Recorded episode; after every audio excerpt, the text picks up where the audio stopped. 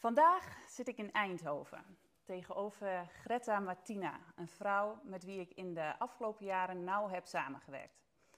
Ik heb haar namelijk mogen ondersteunen in het bouwen aan haar bedrijf Leefbewust Nederland.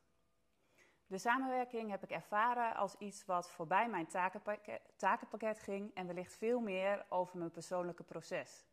Want waar je staat in je persoonlijke proces, gecombineerd met je talenten, kwaliteiten en interesses, bepaalt toch wel eh, voor een heel groot deel het totaalplaatje van de bijdrage die je in je werk kunt bieden. Greta is een mentor op vele vlakken voor me geweest. Ondernemen, persoonlijke ontwikkeling en met name ook het onderwerp waar we vandaag over gaan, gaan praten en dat is uh, spiritueel ontwaken. Greta is oprichter en eigenaar van miljoenenbedrijf Leefbewust Nederland. Ze is spiritueel mentor voor ondernemers en met, en met haar retreatbrand Satori faciliteert en begeleidt ze ieder jaar verschillende bewustzijnsverruimende retraites. Lieve mensen, vandaag ga ik in gesprek met Greta Martina. Jee. Welkom Greta. Dankjewel. Wauw, wat een mooie, mooie introductie. Bijzonder om dat zo terug te horen, ja. Ja, en dat gaat over jou. Ja, het gaat over mij. Ken je jezelf erin? Ja, helemaal. Het is een hele mooie samenvatting. Uh, een totaalbeeld van uh, inderdaad... Uh, de, ik denk de, de reis die ik de afgelopen jaren heb afgelegd en waar ik nu sta, inderdaad. Levenbewust Nederland, Satori en het ondersteunen van ondernemers. En uh, mooi hoe jij dat ook hebt ervaren in uh, de samenwerking die we de afgelopen drie jaar, zei je, vier jaar? Drie. Drie jaar, ja. ja, mooi. Ja, ik heb, het van, ik heb je groei van heel dichtbij mee mogen maken en gezien. En uh, super inspirerend. En ja. Er zijn ontzettend veel onderwerpen en haakjes waar we het over kunnen hebben. Ondernemen, maar ook het digital nomad leven, reizen en werken. Bepaalde bestemmingen waar we allebei, geloof ik, uh, een heel warm hart voor hebben. Um, maar voornamelijk spiritueel ontwaken is toch wel waar ik het vandaag met je over wil hebben. Omdat dat iets is ja, waar, je, waar jij mij echt in voor bent gegaan. En uh, ja, waar je mij ontzettend mee hebt geïnspireerd. Ja, het is ook mijn uh, meest favoriete onderwerp. ja, ja, uh, dat, het woord of de, de term spiritueel ontwaken. Ja. Ik, ik, wat vind jij daar eigenlijk van? Want, wat ik van de, van de term vind? Ja. Op welke manier? Nou, hij is ergens vrij vaag. Ja. Het is niet heel duidelijk, ja, wat is dat dan? Ontwaken, spiritualiteit ook, maar Ja. dat hele spirituele, ont- wat betekent dat dan? Ja, precies. Ja, ik, zoals ik het zie, is het uh, sowieso, als je kijkt naar de, de term spiritueel ontwaken, dan zit daar een gelaagdheid in. En iedereen heeft daar een eigen interpretatie. Dus ik, ik merk dat we allemaal op een verschil, verschillende manier praten over spiritueel ontwaken en daar dan ook vaak iets anders mee bedoelen. Mhm. Want voor de een ben je spiritueel ontwaakt als je bijvoorbeeld erachter komt dat de farmaceutische industrie toch niet het beste met je voor heeft. En voor de andere spiritueel ontwaken wanneer je doorziet dat je niet je ego en je denken bent. Dus ik ben er eigenlijk door mijn eigen reis achter gekomen dat we allemaal een eigen invulling heb, hebben. Dus daarom is het goed om altijd te vragen van wat versta je onder spiritueel ontwaken? Mm. En als ik het voor mezelf um, daarop antwoord op zou geven, dan is spiritueel ontwaken um, echt te gaan doorzien dat je inderdaad dus niet je ego en je denken bent. Dat er een persona is, een persoonlijkheid die we allemaal hebben meegekregen, die opgebouwd is door bepaalde um, eh, herinneringen, gebeurtenissen in het verleden, conditioneringen, cultuur. Eigenlijk alles wat we opbouwen door, uh, door de jaren heen. Uh, om vervolgens daarmee tot de conclusie te komen dat dat niet is wat we zijn. Mm. En dan wat we dan gaan krijgen is dat je um, gaat zien dat je dus een persoonlijkheid hebt waar je mee kunt spelen, maar waar je dus ook los van staat. En ik, ik weet niet of dat dan meteen al te ver gaat, maar dan heb je dus de vorm, dat ben jij, de persoon. Ik ben Greta Martina, ik ben zo oud, ik heb, dit zijn mijn ouders, daar ben ik geboren, dit is wat ik doe. Mm. Hè, die mooie voorstelronde. Um, dat is de vorm die ik aanneem in dit leven. Maar de vraag is dus of dat is wie ik werkelijk ben. Ja. En daar gaat spiritueel ontwaken over. Dat je dus gaat ontdekken wie je, voorbij, wie je bent voorbij de vorm. Dat is wat ik zie bij spiritueel ontwaken. En er zit natuurlijk een heel verhaal omheen. En een gelaagdheid. Je hebt Ja. fases. Je hebt groei en transformatie in het ontwaken. Um, maar voor mij gaat het daar echt over dat je los kunt komen. Dat je je ego kunt overstijgen. Mhm. Zonder van je ego weer een boeman te maken.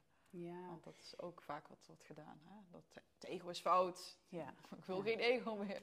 Nee, we Ja. kunnen niet zonder ego. Nee, het is gewoon... Een gezond ego is heel fijn om dit, in dit leven te kunnen hebben. Ja, ja want we hebben het wel Be- hier te doen. Het bewustzijn van het ego is denk ik Ja, eh, wel heel belangrijk. ja, Ja. ja. En als je het dan hebt over de verschillende fasen van eh, spiritueel ontwaken, is dat dan, want je, want je gaf eh, in het begin ook aan, zei je van spiritueel ontwaken is voor de een kan dat zijn eh, de realisatie dat de farmaceutische industrie het niet het allerbeste met ons voor heeft. En voor de ander is het dus, Ja, ik noem dat werelds ontwaken. Dat Werelds, je ziet dat je ehm, in de realiteit zoals die nu is, zeg maar.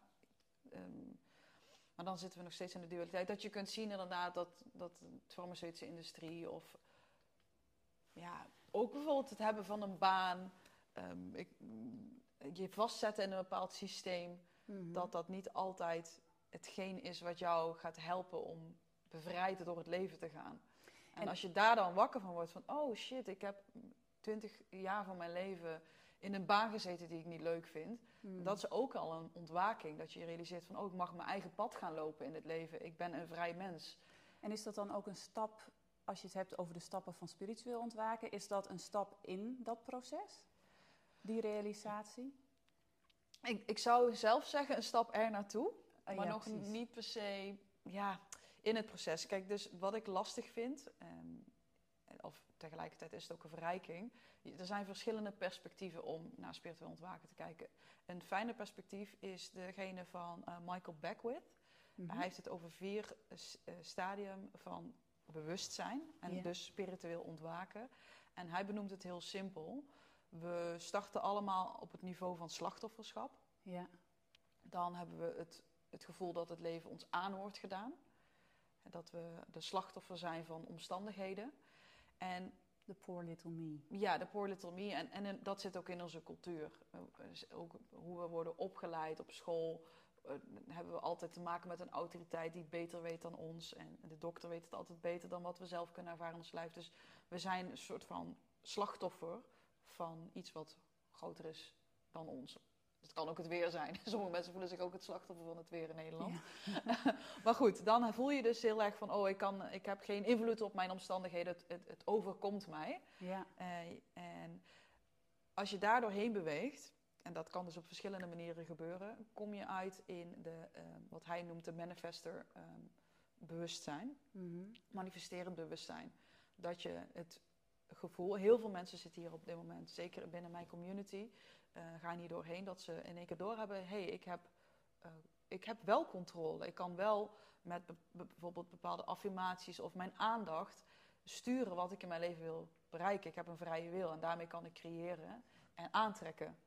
Mhm. En ehm het is een vrij mannelijke energie nog. Ehm, want dan ga je echt leiding nemen. Je gaat de richting geven. Je gaat iets mogelijk maken. Ja. En, en dan gaat dat waarschijnlijk ook zijn vrucht afwerpen. Dus doelgericht leven zit heel erg in die manifesterende energie. Ja. Eh, De wet van aantrekking kennen, we, kennen heel veel mensen ook vast wel. Mhm. Ehm, dat is ook echt een manifesterende energie. Ehm, het leven gebeurt door mij, is de zin die daarbij hoort. Ja. En vervolgens kom je op de channeling consciousness uit, dus het, het, het gekanaliseerde bewustzijn, dat wat door ons heen beweegt. Dan ga je dus eigenlijk, en dat is ook een fase waar, waar ik heel, heel erg veel mee werk. En ik vind dat heel fascinerend, want daar waar jij als manifester te horen hebt gekregen van oké, ik moet iets mogelijk maken, ga je in de fase daarna ervaren, nee, het wordt voor jou mogelijk gemaakt. Het hogere wil ieder moment met jou communiceren en door jou heen stromen. En als je daaraan kunt overgeven, het door je heen kunt laten komen, dan gebeurt het vanzelf. Dus ehm, in die tweede stap zei je, ga je realiseren dat je ergens een controle hebt over je Ja. leven. En in eh, bewegend naar de derde fase kom je er eigenlijk achter dat, dat het er al is en dat je alleen maar hoeft over te geven. Ja, Wat dat, is, precies. Daar, het woord overgave hoort echt bij die derde fase. Dat je voelt, het mag door mij heen ontstaan. ja, Het is er allemaal al. Alles wat ik, wat ik bijvoorbeeld eh, verlang, ehm, is er al. En, en dat verlangen gaat dan niet meer over ik, de kleine ik. Van, oh, ik wil heel Mhm. rijk worden voor mezelf of zo. Dat gaat echt over dat wat ook ehm, jouw blauwdruk is. Dat wat jij, waar, waar je hiervoor gekomen bent. Ja. En dan kom je in een, inderdaad in een vorm van overgave, een ontvankelijkheid. En dan, ehm, dan laat je het door je heen gebeuren. Dan stel je ervoor open, dan verwelkom je het in je leven. Daar Mhm. waar je bij de manifester nog veel meer in de energie zit van ik maak het mogelijk, Ja. Is de channeling het woord voor mij mogelijk gemaakt als ik me ervoor open durf te stellen. ja, en dat ik maak het mogelijk, in die tweede stap is waarschijnlijk ook echt nodig om Ja, ehm, die conditionering te, waar we allemaal ja, eh, in zitten. ja. het is ook niet zo dat je deze fase over kunt slaan. Dan, kom, dan val je toch elke keer terug. Ja. En het kan zelfs variëren op, op verschillende levensgebieden. Dat je bijvoorbeeld merkt dat je in je gezondheid al heel erg in die channeling bewustzijn zit. Dus dat het heel erg door je heen stroomt, dat het floreert, dat het allemaal vanzelf gaat. Dat je echt een soort van coherentie en balans voelt in je systeem. Mhm. En dat je bijvoorbeeld op financieel vlak nog in, het in de slachtoffer zit. ja. Dus het is, het is zo zwart-wit nog niet. Maar het maakt het wel heel makkelijk. Want dan ben je dus van de slachtoffer naar de manifester, naar de channeler. Dan laat je het door je heen gebeuren. Mhm. En vervolgens de laatste staat, eh, st- stage ehm, is being consciousness. Dus het zijn, het puur zijn. Dan De ben je het ook niet meer aan het, ervoor aan het openen. Je, het is er gewoon. Ja. Je- je- het, het leven is jou, het leven is mij. Dus dan, daar waar je bij de manifester en de channeler nog de mannelijke en de vrouwelijke energie kunt voelen, een soort van het, het, het, het geven en het nemen, is bij de being consciousness, dus het zijn, heft dat op. De, de dualiteit heft zich Mm. op en het is gewoon. En het kan ook zijn dat je op bepaalde aspecten in je leven dus kunt voelen van, oh ja, in, eh, op het gebied van bijvoorbeeld ehm, met mezelf zijn. Ja. Als ik alleen ben, dan kan ik echt helemaal in dat zijn zakken. En dan is dat er gewoon. En ehm, al die, die eh, verschillende stages, is dat iets waar iedereen, nou, ik denk dat ik het antwoord wel weet, maar ik ben wel heel benieuwd naar ehm, hoe jij dat ziet. Is dat iets waar iedereen doorheen loopt? Eh, en ehm, ja, Nou, het grootste deel van de bevolking op dit moment zit in de slachtofferenergie. Ja. dat, is, dat is de grootste groep. En dan wordt het steeds kleiner. Ehm, dus dan komt de manifesting. Ik weet, ik ken de percentages niet precies. Volgens mij was het iets van 20% die door de manifesting energie op dit moment heen gaat. En dan wordt het dus steeds minder. ja. Dus ik, ik geloof in essentie dat wij als ziel daar doorheen gaan, maar niet per se in dit leven. nee, precies. Want het is, je kan je hele leven lang bezig zijn met eh, het tackelen van die slachtofferenergie in jezelf. Dat is ook afhankelijk van wat je hebt meegemaakt in het leven en hoe, hoe zwaar je karma is, als het ware. Ja, want niet iedereen voelt of krijgt die oproep van, of dat, dat gevoel van hé, hey, ehm, ik, laat ik eens op ontdekkingstocht gaan naar wat er nog meer in het leven is. En ja. wat bepaalt dan, of wie of hoe, waarom krijgt de ene wel die, ehm, dat gevoel van hé, hey, ik wil iets veranderen in mijn leven en de ander, ja, die is helemaal oké om, om die slachtofferrol te, te hebben, zeg maar. Ja. ja, het is een wake-up call. En, en ze noemen het ook wel eens divine timing. Hè? Ja, Het is niet iets wat we per se op die manier creëren. Het is er gewoon in één keer. Oh, misschien verlies je een dierbare en dat Ja. creëert zo'n schok in je systeem. Dat je in één keer vragen gaat stellen. Voor mij persoonlijk ehm, komt het door mijn jeugd. Ik heb zo'n eh, traumatische jeugd gehad. Dat ik op mijn zestiende niet meer wilde leven. En dat ik dacht van nou ja, eh, weet je. Ik voelde me emotioneel verwaarloosd. Ik, eh, ik, ik, ik dacht ook dat ik niks, niks waard was. Ik Mm. had superveel zelfhaat. Dus ik dacht, ja, waar- waarom leef ik eigenlijk nog? ja, En het- hoe pijnlijk dat ook was, ik noem het echt de dark night of my soul. Mhm. Maar hoe pijnlijk dat dus was, door die vragen die ik ging stellen, ging ik wel mijn gedachten in één keer een andere kant op sturen. Van waarom leef ik eigenlijk nog? Als je überhaupt die vraag stelt, dan kunnen er ook in één keer andere antwoorden komen van oh. En, en dus ik ging een zelfonderzoek met mezelf aan, doordat er een bepaalde situatie plaats had gevonden, of gebeurtenis, of een, in dit geval een jeugd lang. Mhm. Ehm, waardoor ik dus die oproep voelde van oké, ik, eh, Ik mag in beweging ik komen. mag, ja, ik mag of gewoon kiezen, oké, ik wil er niet meer zijn, nou dan beëindig ik mijn leven hier. Of ik ga er wat van maken.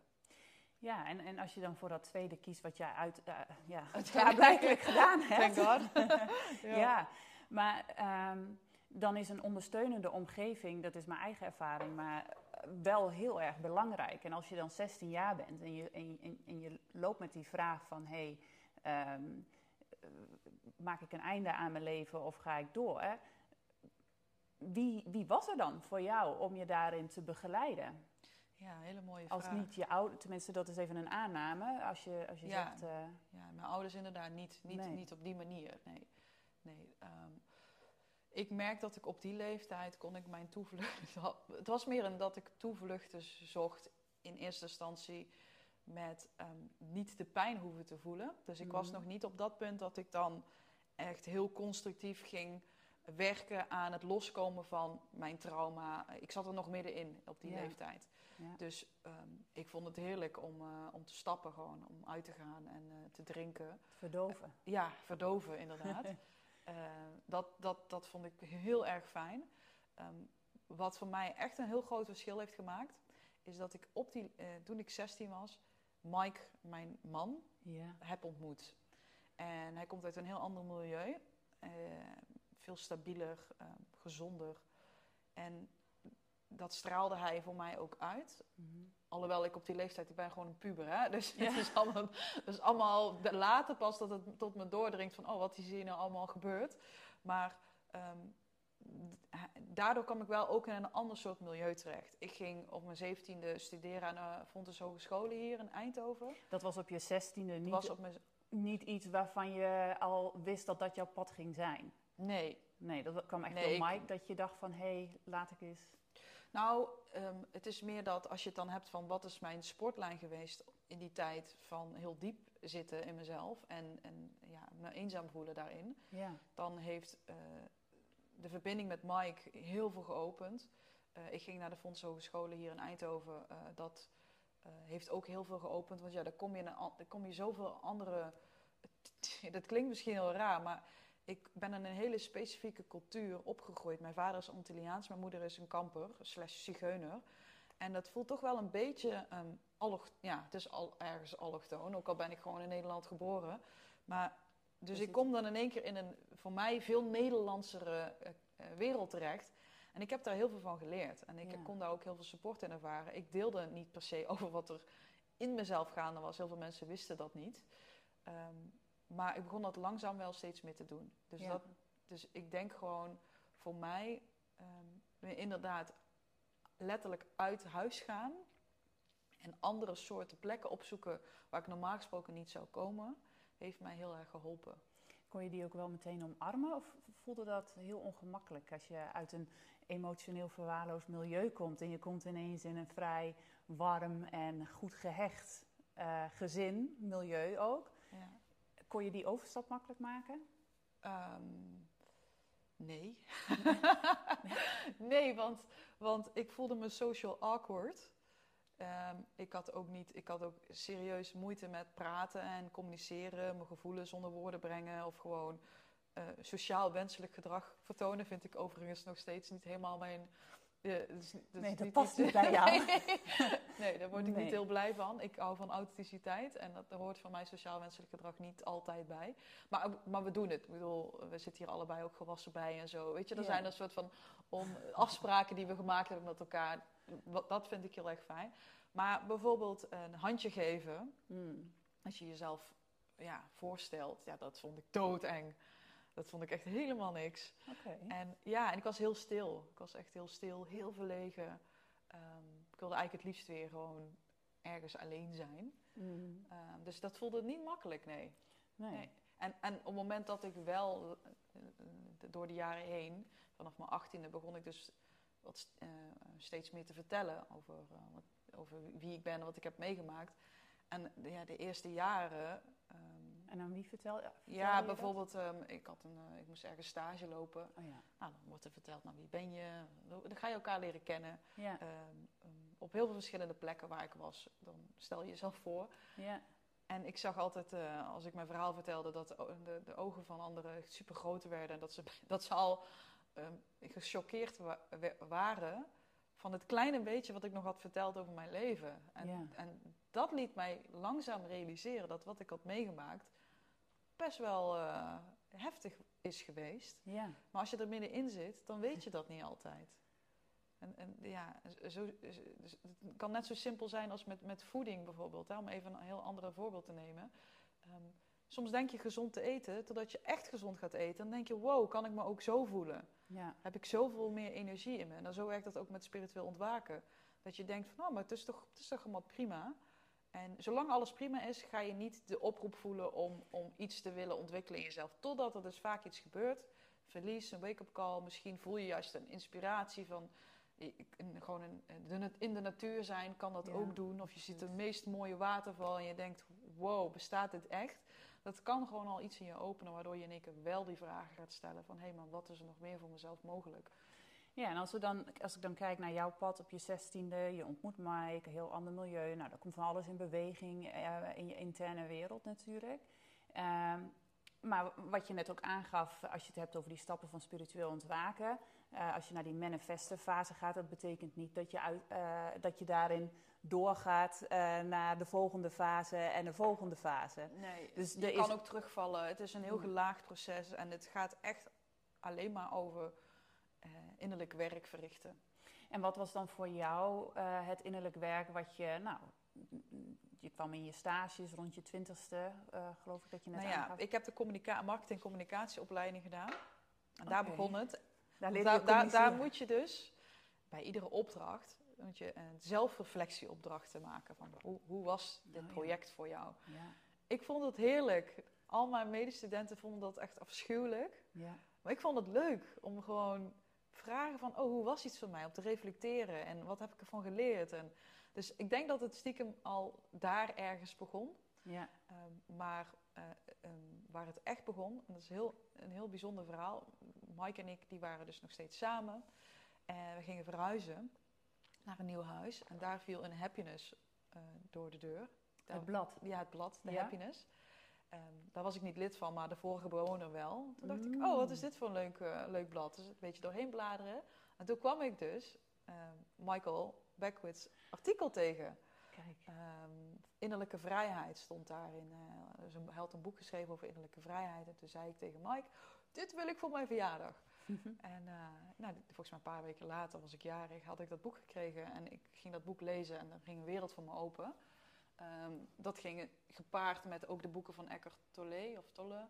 ehm, de Nieuwe Aarde, ehm, De Kracht van het Nu. Ja. En toen kwam ik ook al heel snel, ehm, ging ik vrijwilligerswerk doen in Frankrijk. Dat was een, eh, bij Sedaka heet het. En die organiseerde yoga en creatieve eh, workshops. En dat was voor mij een compleet nieuwe wereld ook. Dus ik ging gewoon een beetje ontdekken en om me heen kijken, veel lezen hierover. En toen dacht ik, wauw, ik voel hier iets in wat ik lees, wat zo klopt voor mij, waar ik zo mee resoneer, wat zo, Ja. wat zo raakt. Ik wil hier meer van weten. Ja, dus, dus toen begon voor mij het spirituele pad pas. Oké, en er zijn heel veel interventies die je dan. ehm, ik heb er eentje waar ik heel, die heb ik opgeschreven, waar ik heel benieuwd naar ben. En ik weet dat dat een belangrijke rol heeft gespeeld in jouw pad ook. Dat eh, zijn de dark retreats. Ja, Is dat dan iets wat destijds al, want je zegt ik ging toen naar het lezen en, en mijn stage waar ik al die vragen heb gehad en eh, vrijwilligerswerk in Frankrijk. ja. Ehm, dus er was een goede basis, een goede bodem gelegd en dan Nou ja, ja, het is nog niet echt een goede bodem, maar het was een begin. Ja, uiteindelijk, misschien op dat moment dacht ik misschien van wel. Hè? ja. Maar als ik nu terugkijk, dan denk ik, ja, was het nog wel super eh, kwetsbaar. Het was nog niet echt dat je denkt van, oh, nou hier ga ik op springen op deze bodem. Nee, nee, ja. Dus het, Het dus is nog heel pril. Het was nog wel echt fragiel. heel pril. Ehm, toen ik dus in, in eh, een yoga-workshop volgde in Frankrijk, ehm, zag ik mensen op die locatie voorbij lopen. Ja. eh, met een eh, backpack op hun rug. En eh, ik dacht, wat zijn er daar aan het doen? Dus ik vroeg dat. En toen werd mij verteld van ja, die zijn de, de pelgrimstocht naar, tocht naar Santiago de Compostela aan het lopen. Oh ja. ja. Dus ehm, toen dacht ik, Wat is dit het? wil ik ook. Wat is dit? Ik weet, en ik weet niet waarom, want het, het komt totaal niet uit zo'n milieu. kamperen, wandelen, dat zit helemaal niet in ons, in, in- in hoe ik ben opgevoed of zo. Maar het voelt gewoon alsof, alsof dat soort ehm, dingen al voor me klaar lagen. Gewoon van, ik, iemand komt voorbij lopen, ik voel iets, het, het, het spreekt me aan. Ik krijg er dan vervolgens een uitleg bij en dan denk ik, ja, dit ga ik doen. En uiteindelijk heeft het jaren geduurd voordat ik de, de tocht ging lopen. Ja. Maar zo is dat uiteindelijk ook met die dark retreats gegaan. Dat ik waarschijnlijk, ik weet het niet eens meer precies, ergens heb opgepikt of gegoogeld dat, dat het bestaat. Volgens mij kom, kwam het, mijn eerste keer dat ik ermee in aanraking kwam, ik was me aan het verdiepen in Ayurveda. Uh, en ehm, toen uh, hoorde ik over Kaya Kalpa, zo heet de traditie van het in het donker gaan voor 90 dagen. Wow. Uh, nou, dat heb ik nog niet gedaan.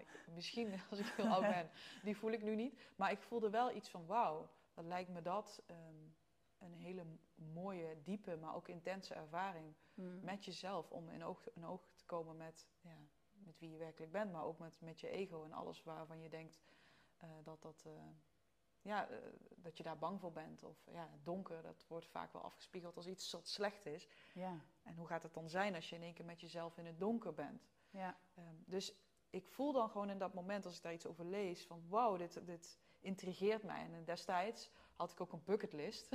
ja. dus dat ging dan op die bucketlist. En dan was het van, nou, let's see wanneer dit op mijn pad gaat komen en of dit op mijn pad gaat komen. Dus het is ja. uh, intuïtief, intu uh, intuïtie die je vertelt van hé, hey, dit is uh, interessant voor, ja. voor ons. Ja. En um, overgave dan of het op je pad komt. Een soort van ja. gaat het hoe gaat het leven zich ontvouwen? Ja. Ik neem destijds. Um, was dat toen ook, ja, je bucketlist, daar manifesteer je het eigenlijk al mee? Als je ja, op ja, een, ja, een ja. het is een begin. Ja, het is een begin het, het, het, ja. het houdt, daarmee houd je het in, uh, in het vizier, maar dat, maar dat hoeft in essentie niet eens per se. Hè? Dat wat werkelijk voor jou bedoeld is, gaat wel komen. Ja. Maar ja, ik heb, ik heb wel het idee dat, um, dat het me richting heeft gegeven. Um, maar het was nog altijd zo, in die jaren vanaf mijn 18e, 19e, 20e begon ik te werken als coach en trainer. En uiteindelijk ontwikkelde ik mezelf door. Ik zat zelf echt nog in een heel diep traumaverwerkingsproces. Ja. Um, dus het voelde allemaal als kleine um, um, pareltjes op mijn pad. Uh, de pelgrimstocht naar Santiago. Maar ik heb bijvoorbeeld ook de tiendaagse Passana gedaan. Dat kwam nog eerst. Dus uh, het is een soort alsof ik een, een huis aan het bouwen ben. Steen voor steen. En samen vormt dat mijn pad, mijn, mijn spirituele ontwakingsreis. Ja. En het is nooit geweest dat ik, um, toen ik met de tiende steen bezig was, al wist wat het ging worden. Ik weet Nee. nog steeds niet wat het gaat worden. Maar ik heb wel een visie. Ik, heb wel, ik kan wel heel sterk voelen, oh, dit, dit resoneert met mij en dat niet. Ja. En ik laat me daar heel erg door leiden. Ja.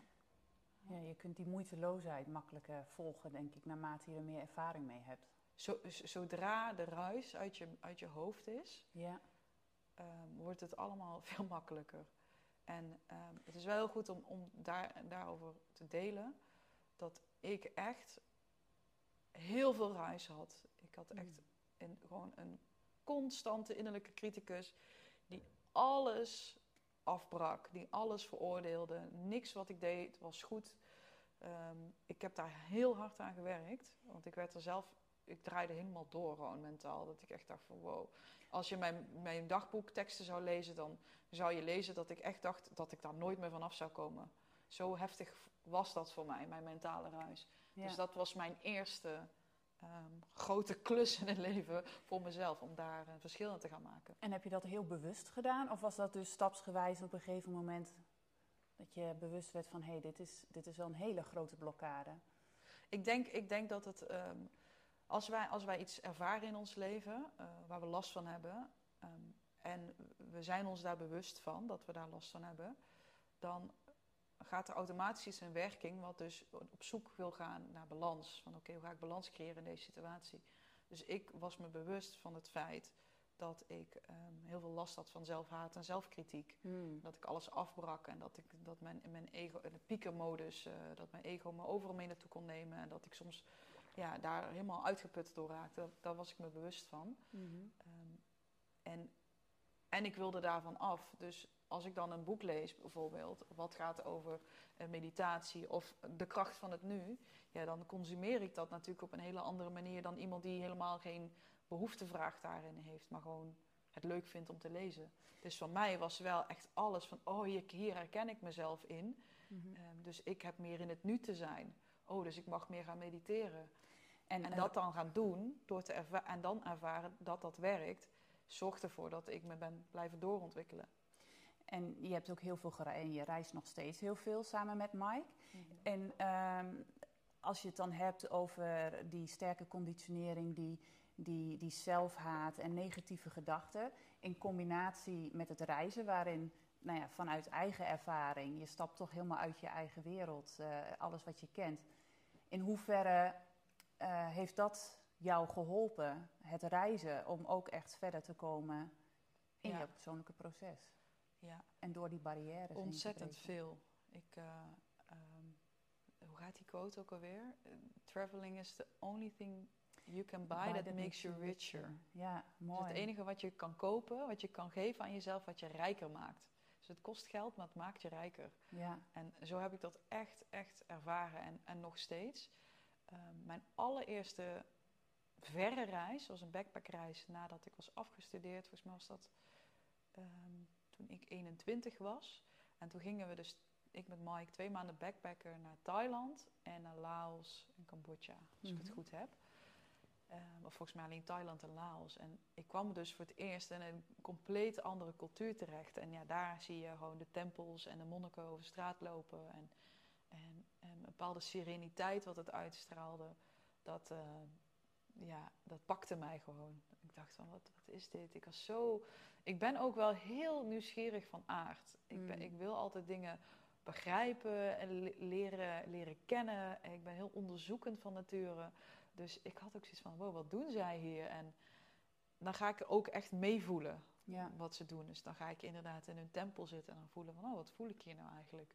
ja. En dat heeft voor mij echt, dat, dat, is, dat is nooit meer bij me weggegaan. Dus als, het, als je het op die manier bekijkt, hè, het, spiritu- het spirituele pad, was het boeddhisme het eerste wat op mijn pad terecht kwam. Hmm. Dus ik heb alles gelezen over de Boeddha en eh, wat hij gebracht heeft. En, eh, ja, en uiteindelijk breidt dat zich uit. Ik ben naar India geweest bijvoorbeeld. Nou, toen ben ik me gaan verdiepen in de, de Bhagavad Gita. En ehm, ja, dan kom je ook weer gurus tegen, Ramana Maharshi. En uiteindelijk een Muji die dan nog leeft. Ja. Dus uiteindelijk, ja, het bouwt zich op.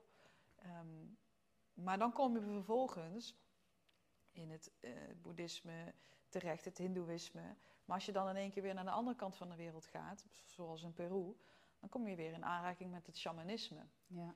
En eh, toen ben ik me daarin gaan verdiepen. En toen realiseerde ik me van, wow, eigenlijk in de kern en essentie doen ze hetzelfde, maar vanuit een hele andere insteek. Ja. Daar waar eh, over het algemene Oosterse wijsheid met de bovenste chakra's werkt, werkt het shamanisme veel met de onder, onderste chakra's. Dus veel meer de verbinding van hier naar de aarde toe. Ja. Daar waar het oosten veel meer over de verbinding naar het hogere toe gaat.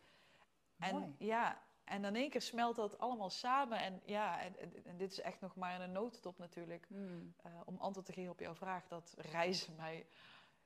ik, dat is de reden waarom ik reis. Om, om te leren van andere culturen. En daarin ook vooral gewoon te zijn en te ontspannen. En, en, eh, En het ook samen creëren. te brengen. En het dat is wat jullie toch wel doen met Levenbewust Nederland. Ja, zeker en weten. Satori. Ja, ja. Ja. uiteindelijk om dat weer terug te brengen naar Nederland.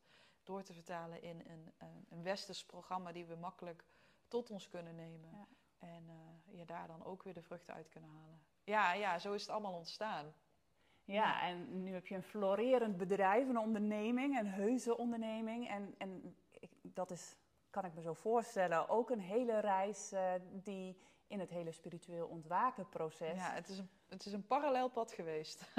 Ja, het ondernemen en mezelf vrijmaken als ondernemer ook. Echt het vrijheidsondernemen Ja, is parallel gegaan aan eh, het spiritueel ontwaken. Ja, ja, mooi. ja. Heel mooi. En nu begeleid je ook andere eh, ondernemers op het spirituele pad. Ja, ja de- mijn, mijn passie is om met mensen te werken die. Kijk, ondernemerschap is natuurlijk een heel groot begrip. En eh je hebt heel veel verschillende vormen van ondernemen. Mm. Maar wat mij denk ik wel ehm, ehm, anders dat maakt daarin, en ik ben niet de enige, is eh, een bepaalde eh, mate van vrijheid in de manier waarop ik onderneem. ehm, en een locatie-onafhankelijkheid. En daarnaast dus dat ik onderneem vanuit mijn hart en vanuit eh, authenticiteit. Dus Mm. echt voel wat ik hier te doen heb als mens op aarde. En dat weet door te vertalen naar een, een dienst of product of ehm, ja, wat het ook is wat je wil gaan uitdragen in je ondernemerschap.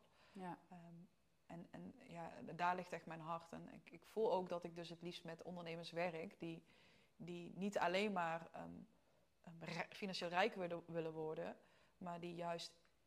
Voor mij, het, het allerbelangrijkste is dat ze in service willen staan Mhm. van anderen.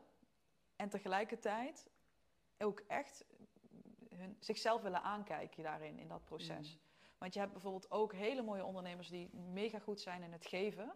Hè, ze doen alles voor een ander, maar ze nemen ze, zichzelf niet mee op reis. Ze nemen zichzelf niet mee in een doorontwikkeling van een bedrijf. Wat je dan krijgt is dat je misschien na vijf jaar een heel mooi bedrijf hebt opgebouwd, maar je bent jezelf compleet verloren. Die ondernemers kom ik ook vaak tegen. Die, zijn, die lopen helemaal leeg, die komen dan uiteindelijk in een burn-out terecht omdat ze niet gedaan hebben waar, waar hun werkelijk verlangen ligt. Of misschien zijn ze ooit zo begonnen, maar zijn ze het gaandeweg vergeten. Ja. En dan gaat in één keer het bedrijf het overnemen in plaats van dat zij nog steeds leiderschap, ontwaakt leiderschap blijven nemen over hun, eh, ja, over hun bedrijf. Nou ja, en ondernemen is in die zin ook als je, als je begint en je bedrijf groeit. Ja, Ehm, je wordt in allerlei bochten of in allerlei richtingen geduwd waarin je, waar je op voorhand niet gedacht had van ja, dat wil ik doen. nee. De administratie en mensen managen en nieuwe producten Ja. ontwikkelen. Eigenlijk in alles. Dus het is ook vrij gemakkelijk om je in dat proces te verliezen. ja, En dat is dan eigenlijk heel erg mooi, want dan kom je weer terug bij Leefbewust, waarin het holistische plaatje, dus eh, je voeding, het eh, energetische, het eh, mentale, het je emotionele. relaties inderdaad. Ja. Ja, en dan Ja, vervolgens het aspect. ondernemen. Ja, ja. Mooi. Ja, ja, het is een hele interessante reis. Net zo, net zo uitdaging, uitdagend misschien als spiritueel ontwaken, maar dan heel Ja. anders. Ja. Heel anders. En ehm, welke tips en adviezen heb je voor mensen die zich meer willen verdiepen in het spiritueel ontwaken? Die, ja, die voelen dat zij daar ook eh, stappen in willen zit- zetten. Nou, ik denk dat het, als je goed hebt geluisterd naar, naar eh, wat ik zojuist heb gedeeld, waar we het over hebben gehad, dat het heel goed is om voor jezelf allereerst te bepalen waar sta ik op dit moment, grof weg. Ehm, vind, ik, bevind ik mezelf vooral in een slachtofferstaat? Heb ik het gevoel dat ik geen controle of regie heb over mijn leven? Ehm, of merk je dat je juist ehm, daar al helemaal in floreert? Hè? Dat je richting geeft in je leven en dat je misschien nu te veel in een forcerende energie bent terechtgekomen? Ehm, of voel je dat je al volledig in die overgave zit en dat je zelfs dat mag loslaten. Dus als we het hebben over slachtoffer, ehm, ehm, vict- eh, victim stage, ehm, manifestor stage, channeler stage of being stage, die vier st- stages. Eh, ik, ik, wat is het nou in het Nederlands eigenlijk? Welke? St- stages. Eh, fase, denk Fase, ik. ja. Zou- De vier fasen ja. inderdaad, waar we het over gehad hebben. Ja, dus ik denk dat het goed is voor jezelf om te bepalen waar sta ik grofweg. Ja. En dan, wat altijd helpt, is om ehm, heel bewust te zijn van waar, met wat voor informatie verbind ik me. Dus als jij weet van, oh, ik wil veel meer, ehm, veel beter kunnen manifesteren in het leven. Ik wil veel meer kunnen aantrekken uit mijn schaarste mindset in mijn overvloedsmindset. Als je dat van jezelf weet, dan eh, is het altijd goed om je, je brein wat voeding te geven. Dus om Mhm. podcasts te luisteren of boeken lezen of ehm, ja, wat kan je tegenwoordig nog meer allemaal? Om in- Mensen volgen op Instagram. ja, ja, precies. Om ervoor te zorgen dat je daar ook aan herinnerd wordt. Ja. Ik ben heel specifiek altijd in wie ik volg op Instagram. Ik volg ook niet Ja. veel mensen. Ehm, en ik, ik laat het altijd aansluiten op wat, waar op dat moment mijn aandacht en energie naartoe wil gaan. ja, mooi. Eh, in plaats van ja, eh, informatie waar jij eigenlijk niks aan hebt. Mhm. Eh, dus daar heel kritisch in worden is belangrijk. En tegelijkertijd een vorm toevoegen aan je leven. En dat vind ik een hele belangrijke. Daar ben ik heel laat mee eh, pas achtergekomen. En dat zou ik iedereen willen adviseren. Om ehm, je lichaam daarbij te gaan betrekken. Dus Ja. niet alleen maar voeding voor het hoofd, maar ook voeding voor je lichaam. Ja. Ehm, dus stel dat je veel meer in een, in een staat, een ontvankelijke staat terecht wil komen. Veel meer je eigen energie wil volgen en wil voelen. Dan is het heel mooi om bijvoorbeeld Qigong te gaan doen. Of yoga. Of iets waar je je lichaam ook bij gebruikt. Dus dat je je, je geest en je lichaam voedt. En dan tegelijkertijd eh, he- wat mij heel erg heeft geholpen, is ehm, sowieso eh, meditatie. Ja. Ehm, maar dan niet. ehm, ik ben niet zo fan van die, die, eh, die, die medi- medi- meditatie-apps. Die je dan in 10 minuten eventjes begeleiden. En dan, oké, dan heb ik even. Een, ik noem dat ontspanningsmeditaties. Ja. Die zijn fijn, die kunnen jou het moment rust brengen. Maar die helpen je op geen enkele manier om je, je ego te doorzien. Dus, dus het doet in, in de kern niet zo heel veel in het ontwakingsproces. Het geeft je vooral rust. En ehm, ik zou dan wel voor een pad kiezen. Mhm. Ehm, eh, dat kan bijvoorbeeld zen-meditatie zijn, of dat kan de, de eh, Vipassana meditatie. Vipassana meditatie, Advaita Vedanta. Ik heb meerdere dingen gedaan. Eh, maar dat is wel volgens een bepaalde ancient teaching. Dat is Ja. wel een eeuwenoude wijsheid. Dat is doorontwikkeld. Dat heeft al zijn vruchten ehm, Afgeworpen. afgeworpen. en, en die resultaten zijn er ook. Dus het is, het is bewezen effectief. Dat vind ik belangrijk. Ja. Eh, net bijvoorbeeld de Vipassana. Ja, als je daarin gaat duiken, wat dat heeft betekend voor de, de ontwaking van de wereld. Ja, dat is gewoon ongekend. En ik vind het fijn om met dat soort... eh, om, om een beetje naar de kern toe te bewegen als ik, als ik iets aan het doen ben. ja. Ehm, dus als ik bijvoorbeeld ademhalingswerk doe, dan vind, ik, dan vind ik het tof om met een Wim Hof op pad te gaan. Omdat hij op dat vlak ook echt een mega impact heeft gehad in de wereld. Ehm, ehm, dus ik zou altijd mensen uitnodigen, als je mediteert, kijk of er dan een soort van basisteaching is van waaruit je mediteert. Ja. Zodat je weet wat je aan het doen bent. En dat je ook begrijpt dat er, dat er een groter verhaal achter meditatie schuilt dan alleen maar even Tot rust eh, komen. tot rust komen. Ja. Ja, Als je werkelijk wil ontwaken in het leven. en de, o- bepaalde eh, momenten in het leven eh, zijn ook verschillende meditatietechnieken misschien heel relevant of heel bruikbaar. Dus, Ja. eh, Ja, dat is ook weer een, een opbouw. Ja. Ja. Want het wordt, eh, het wordt in principe steeds eh, subtieler. ja. Je ontwikkeling wordt, eh, je sensitiviteit, je gevoeligheid wordt steeds subtieler. Dus je kunt steeds meer in, in, eh, in lagen kijken van onze realiteit. Waarvan je wellicht nu nog totaal niet weet dat ze bestaan. Kijk, eerst denken we van oké, de, de, de derde dimensie, ja, hier, eh, wij, ons lichaam, en, eh, de aarde, de gebouwen om ons heen, de natuur, dat is wat het is. En dan op een gegeven moment, ja, opent er iets in jou. En dan opent er een vierde dimensie, een vijfde dimensie. En zo gaat dat verder. ja. En ja, daar, daar passen ook weer andere vormen van meditatie bij om eh, daarin te verdiepen. Ja, ja. Mooi. ja Ik, ik hoor zoveel dingen waar ik nog over de diepte in wil gaan. Maar we zitten ook een klein beetje met een tijdspad Ja. natuurlijk. Ja. Dus ik wil eigenlijk eh, richting naar het einde toe werken. Ja. En dan heb ik altijd eh, drie vragen die ik eh, aan iedereen stel. De eerste, ehm, nou, we hebben het al veel over spiritualiteit gehad, maar ik ben altijd heel benieuwd, wat is nou jouw definitie van spiritualiteit? Ja. Want die is voor iedereen ook heel anders. ja. Voor mij, ik, zou, ik, ik ga het proberen het heel simpel te houden. Ja, Eh, voor mij, als je werkelijk spiritueel leeft, Mhm.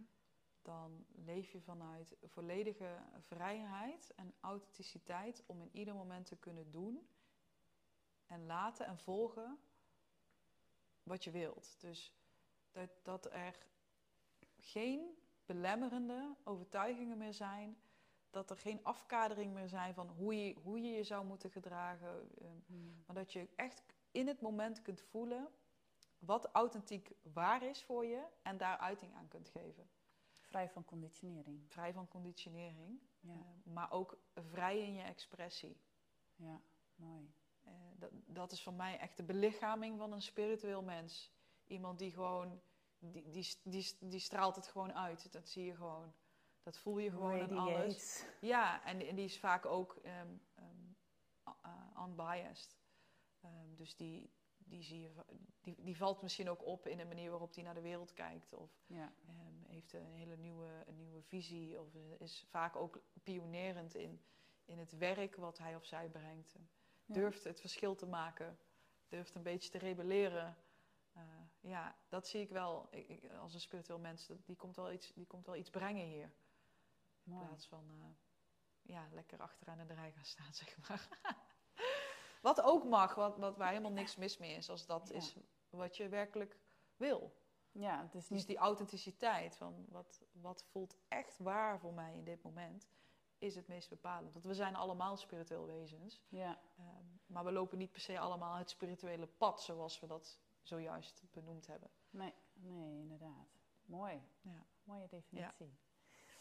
Ehm, wie of wat is jouw grootste inspiratiebron? En dat zal ook gedurende jouw Ja. reis... eh, Op dit moment? ja, op dit moment. Of, of misschien wel... Ja, in het hele pad. Wie is...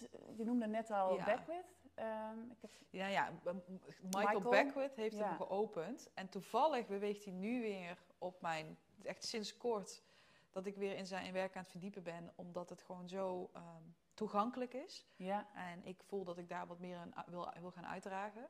Eh, maar niet een heel groot ehm, verschil. Eh Muji ja. ja, ik, is een, een teacher die ik eh, spontaan ontmoette in de straten van Rishikesh in India. kwam op mijn pad en uiteindelijk zijn satsangs bijgewoond. Mooi. Heel vaak. En hij heeft bij mij echt het echte ontwaken geopend. Dat ik echt kan zien van oké, dit is echt iets heel anders dan wat ik daarvoor had gedaan. Ja. Eh, dus een belangrijke rol. En waar ik nu gefascineerd over ben, is het werk van Ken Wilber. Oh, dat is een nieuwe naam voor mij. Ja, dat is echt een fascinerende man. Die heeft echt alle modaliteiten onderzocht. En daar weer een nieuw model van gevormd. Eh, Integral Theory heet het.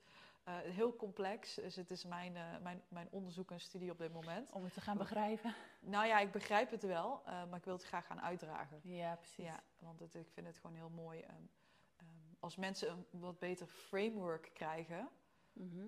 van inderdaad spirituele ontwikkeling. Eh, want het is, het, is, het is complexer dan we denken. Mhm. Maar als we eenmaal die, dat in een framework kunnen zien, dan wordt het opeens ook heel simpel. Ehm, dus dan kunnen we de verbinding werkelijk leggen met eh, lichaam, geest en ziel. Wat Daar waar sommigen denken spiritueel pad gaat over de ziel. Nee, maar het gaat ook over de geest. Het gaat ook over het lichaam. Het holistische Eh, totaal. Ja, en het andere denkt weer van, oh, dan moet ik gaan mediteren. Nee, je moet ook echt met je schaduwdelen gaan werken. Ehm, dus het is, het is gewoon zo, het, het is een... ik vind het mooi, en dat is mijn verlangen in het leven, om een zo compleet mogelijk beeld de wereld in te brengen van wat dit pad nu werkelijk inhoudt. Mhm. En hoe het jou kan ondersteunen en kan helpen om in je volledige potentieel eh, te doen wat je hier te doen hebt. En uit te dragen wat, eh, waar je hart naar verlangt. Ja. Mooi. Ja. Eh, zijn naam, ken ik? Ken Ken? Wilbur. Ken Wilber. Ik ga Of je kunt ook googlen Integral Theory. Integral Theory. Ja. Oké, Ja. check. Laatste vraag. Ja. Ehm, wat zou je tegen je 18-jarige zelf willen zeggen? Tegen mijn 18-jarige zelf. Ja. Als ze nou voor me zou staan, dan, dan zou ik haar laten weten dat ehm, ze volledig mag vertrouwen op zichzelf. En dat wat ze voelt in de onderstroom, dat ze dat mag gaan volgen en dat het haar gaat ondersteunen om echt thuis te komen bij zichzelf. Dus in het kort, ga zo door. ja, ja, ja, ik wou net zeggen, eigenlijk Ja, is dat wat die 18-jarige geloof ik ook gedaan heeft. Ja, ja, Ja, ja, wat mooi. ja, ja. Dankjewel Greta voor dit eh, hele mooie gesprek. Ik vond het fijn om, eh, om dit gesprek te voeren en de verdieping ook die je daarin maakt en de vragen die je stelt. Heel leuk. Ja, geeft mij ook weer altijd nieuwe inzichten. Ja. Nou, mooi. Ja. En voor ehm, jullie die luisteren, mocht, eh, mochten jullie eh, meer van Greta willen weten, ik zal eh, je Instagram sowieso delen. Dat is Greta Martina, geloof ik. ja, met TH. Ja. Met, ja, Greta met TH Martina. Ehm, ik zal delen onder de notes van de podcast en ook eventjes de website voor Leefbewust Nederland. Ik denk dat dat de twee plekken zijn waar ze meer over jou te weten kunnen komen en over jouw werk. Ja, ja, en, en Leefbewust Nederland. Leefbewust met nu dan vooral voor holistische gezondheid. En Ja. ehm, ook eh, natuurlijk bewustzijn komt daar ook bij kijken. Mhm. Daar waar Greta Martina veel meer gaat over echt het, het, het sp- spirituele pad en ondernemerschap, vrij ondernemerschap. Ja. Nou, mocht je geïnspireerd zijn, dan weet je waar je eh, eh, Greta kunt vinden. En eh, ik wil jullie bedanken voor het luisteren. En eh, ja, tot de volgende podcastgast.